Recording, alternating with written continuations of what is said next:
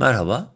BIST dün sınırlı yükseliş denemesiyle test ettiği 5075 seviyesi sonrası aşağıya eğilim sergiledi.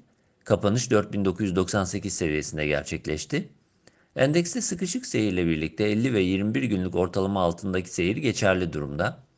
Daha önce de belirttiğimiz gibi BIST'te kısa periyotta yeni bir iyimserlik gelişebilmesi için 5150-5200 seviyesi üzerine geri dönüşün gerekli olduğunu düşünmeye devam ediyoruz.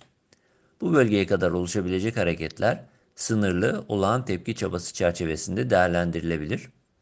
Diğer taraftan cuma günü olduğu gibi 4980-5000 bandı civarındaki kapanışın sınırlı da olsa bir miktar iyimserlik sağladığını belirtebiliriz.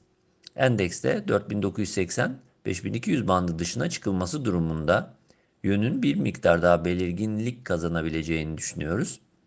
Geçtiğimiz haftanın dip seviyesi de olan 4884 nispeten güçlü gördüğümüz destek bölgesi olmaya devam ediyor.